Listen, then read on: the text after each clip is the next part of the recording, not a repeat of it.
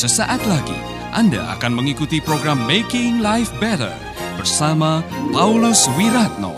Selama 15 menit ke depan, Anda akan belajar membuat kehidupan lebih baik. Empat hal yang harus dipelihara di dalam hidup ini.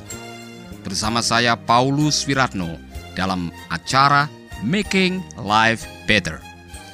Saudara pendengar yang dikasih oleh Tuhan, di mana pun juga saudara berada pada saat ini, beberapa hari yang lalu kita telah membahas bagian pertama dari seri empat hal yang harus dipelihara dalam hidup ini, yaitu kita telah membahas mengenai pentingnya memelihara iman, karena suatu saat iman kita akan memelihara kita. Dan di dalam bagian yang kedua ini kita akan membahas mengenai pentingnya memelihara pasangan hidup kita. Karena apa? Suatu saat waktu kita sedang sakit, waktu kita sedang susah, waktu kita sedang terhimpit dan terjepit, yang akan menolong, yang akan mendengar, yang akan menopang, yang akan memelihara kita adalah pasangan hidup kita. Oleh karena itu sudah selayaknya kalau kita harus memelihara dengan baik-baik hubungan dengan pasangan hidup kita, supaya apa? Suatu saat pada waktu kita sedang membutuhkan pertolongannya, pasangan hidup kita akan memberikan pertolongannya. Oleh karena itu, saya mengajak kita semua membaca di dalam Amsal Soleman pasal yang ke-31 ayat yang ke-10. Di dalam Amsal Soleman yang pasal 31 dikatakan, Istri yang cakap sukar ditemukan. Ia lebih berharga daripada intan berlian.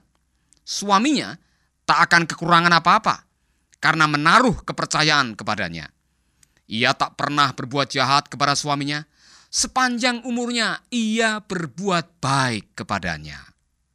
Ia rajin mengumpulkan rami dan bulu domba, lalu sibuk bekerja menenunya. Dari jauh ia mendatangkan makanan, seperti yang dilakukan oleh kapal-kapal pedagang. Pagi-pagi buta ia bangun untuk menyiapkan makanan bagi keluarganya dan untuk membagi-bagikan tugas kepada pelayan-pelayannya. Ia mencari sebidang tanah lalu membelinya.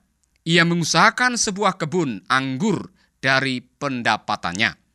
Ia menyiapkan dirinya untuk bekerja sekuat tenaga. Ia tahu bahwa segala sesuatu yang dibuatnya menguntungkan. Ia bekerja sampai jauh malam. Benang dipintalnya dan kain ditenunnya. Ia tidak kikir kepada yang berkekurangan. Ia baik hati kepada yang memerlukan pertolongan. Ia tidak khawatir apabila musim dingin tiba, karena baju panas tersedia bagi keluarganya. Ia sendiri yang membuat permadaninya. Pakaiannya dari kain linen ungu yang mewah. Suaminya adalah orang ternama salah seorang dari antara para pemimpin kota. Ia membuat pakaian dan ikat pinggang lalu menjualnya kepada pedagang. Ia berwibawa dan dihormati dan tidak khawatir tentang hari nanti. Dengan lemah lembut ia berbicara, kata-katanya bijaksana. Ia selalu rajin bekerja dan memperhatikan urusan rumah tangganya. Ia dihargai oleh anak-anaknya dan dipuji oleh suaminya. Waduh, alangkah indahnya kalau kita ini mendapatkan istri semacam yang digambarkan oleh Amsal Sulaiman. Ya jelaslah kalau istri saudara betul-betul seperti itu tadi, tidak heran kalau digambarkan lebih berharga dari intan permata. Nah, saya yakin bahwa dalam hidup ini Tuhan telah menaruh pasangan hidup yang memang sudah dikehendaki oleh Tuhan. Orang-orang yang memang sudah Tuhan tentukan dari sananya. Ada istri yang sudah mendampingi kita selama kita memasuki rumah tangga. Ada yang mungkin sudah menikah 10 tahun, 15 tahun, 35 tahun. Saya mau mengatakan ini kepada saudara pendengar. Jangan sekali-sekali menyia-nyiakan pasangan hidup saudara. Mengapa? Ingat baik-baik, pada waktu engkau menghadapi kesulitan, pasangan hidupmu lah yang akan menopang dan menolong kita. Saya ingat pada waktu saya menderita sakit kanker dan dalam pengobatan di Singapura selama dua bulan. Siapa yang merawat saya? Siapa yang menuntun saya ke rumah sakit? Istri saya. Itu sebabnya dari lubuk hati saya saya ingin memberikan penghargaan sebesar-besarnya untuk istri saya tercinta, yaitu Marlise Ana Yulia Mohtar. Ibu dari tiga anak-anak saya. Dari hati kecil saya, kadang-kadang saya memikirkan, apa jadinya Seandainya dalam keadaan sekarat di rumah sakit tidak ada orang yang menopang saya. Kalau tidak ada orang yang memberikan kata-kata dorongan kepada saya, tidak ada yang membacakan Alkitab, tidak ada yang membuatkan makanan, tidak ada yang menuntun ke rumah sakit, mungkin saya sudah mati sekarat. Tetapi saya bersyukur karena istri saya memperhatikan kehidupan saya. Saya yakin istri saya melakukan itu bukan karena terpaksa. Ia melakukan oleh karena dia telah merasakan cinta kasih yang ia terima selama ini dari kehidupan saya. Saudara pendengar, kesaksian tadi memberikan sebuah pencerahan kepada kita sekalian untuk memelihara dengan baik-baik pasangan hidup saudara. Karena waktu saudara terjepit dan membutuhkan pertolongan, pasangan mula yang akan menolong engkau. Itu sebabnya saya heran. Kalau membaca surat kabar ada peristiwa-peristiwa yang membuat saya rasa sangat marah. Mengapa? Ada suami yang tega membakar istrinya sendiri. Ada suami yang tega menyetrika muka istrinya. Bahkan saya pernah mendengar ada suami yang menyiramkan air panas ke tubuh istrinya sendiri. Bukankah itu adalah istrimu sendiri? Orang yang kamu kasihi, orang yang telah engkau nikahi pada waktu engkau berada di hadapan gembala dan di hadapan umat Tuhan engkau mengucapkan kalimat, Aku menerima engkau menjadi istriku yang sah dan satu-satunya. Waktu susah, waktu senang, waktu kaya, waktu miskin, waktu sehat, waktu sakit, aku akan setia kepadamu sampai maut menceraikan kita berdua. Nah saudara-saudara, di dalam sebuah pernikahan untuk membuat kehidupan kita terus menjadi harmonis dan langgeng, dibutuhkan keberanian setiap ayah atau setiap suami untuk memelihara hubungan dengan pasangannya dengan baik-baik. Demikian juga sebaliknya. Oleh karena itu, kalau ada suami-suami yang terlalu kasar, suka memojokkan, suka mencari kelemahan pasangan hidupnya, maka engkau sedang menghancurkan kredibilitasmu atau kepercayaan istrimu terhadap engkau. Anda masih bersama Paulus Wiratno di Making Life Better.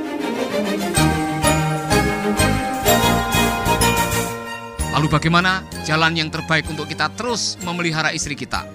Dengarkanlah apa yang disarankan oleh Bapak Norman Wright Bapak Norman Wright menyarankan kepada kita supaya kita sebagai para suami ini kalau bisa melakukan empat hal terhadap istri kita supaya ia merasa terpelihara. Yang pertama ialah blessing. Berkatilah istrimu. Kalau engkau punya berkat, berkatilah pasanganmu. Kalau engkau punya dana, punya rezeki, jangan pelit terhadap pasanganmu sendiri. Ada istri-istri yang mengaluh, waduh saya ini punya suami pelitnya bukan main. Tetapi kalau suami itu memberikan kepada yang lain-lain, kadang-kadang menjadi orang yang murah hati. Tapi kepada istrinya sendiri, dia menjadi orang yang pelit dan tidak mau berbagi.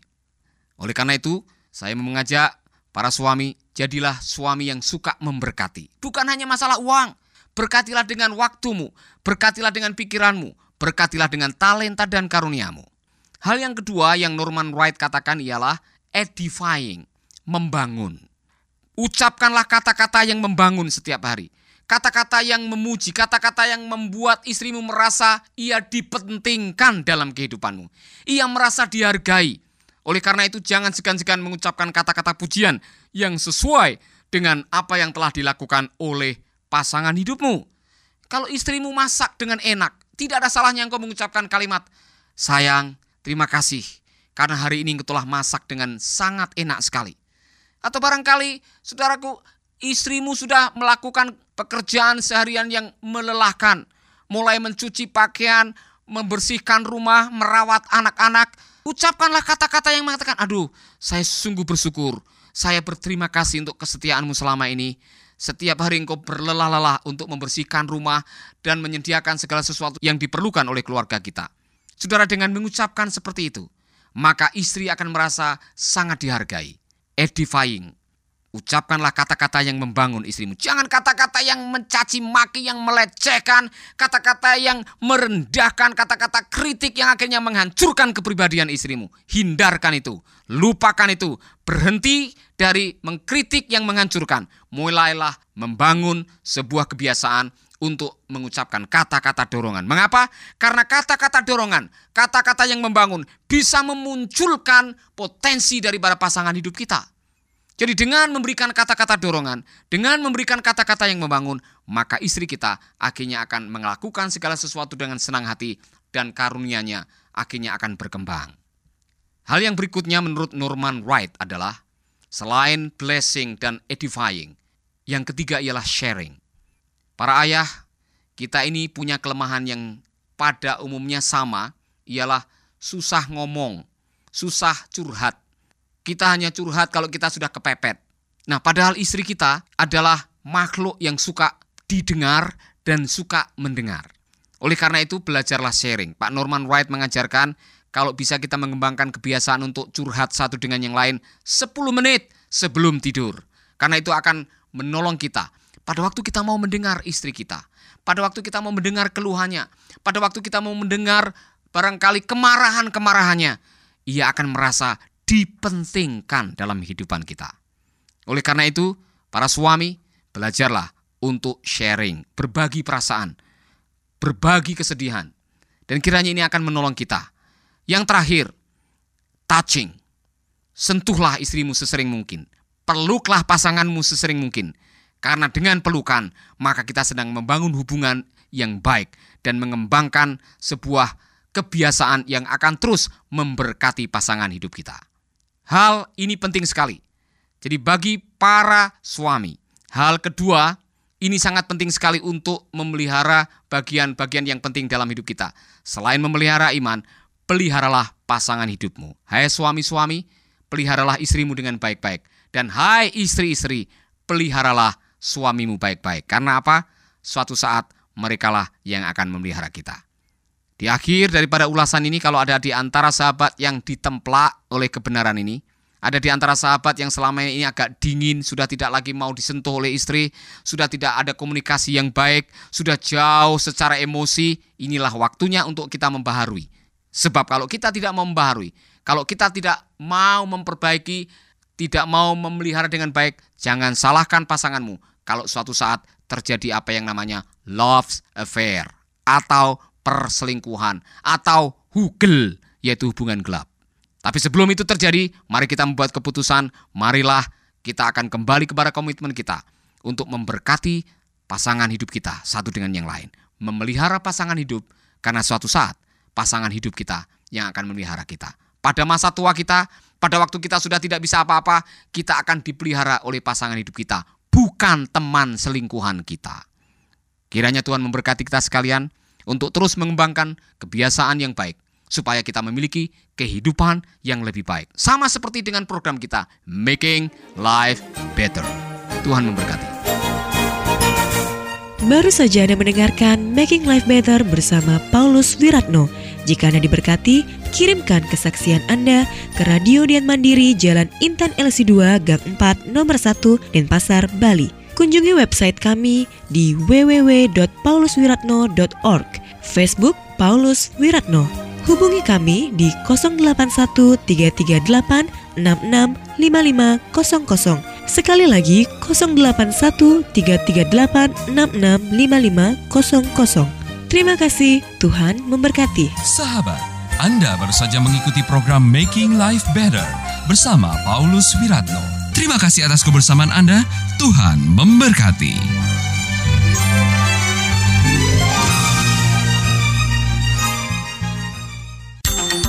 Kabar gembira bagi sahabat pecinta program Making Life Better dan Kata Bijak, mulai sekarang sahabat bisa mendengarkan program ini melalui handphone sahabat. Download sekarang juga aplikasi Making Life Better melalui Play Store atau App Store secara gratis.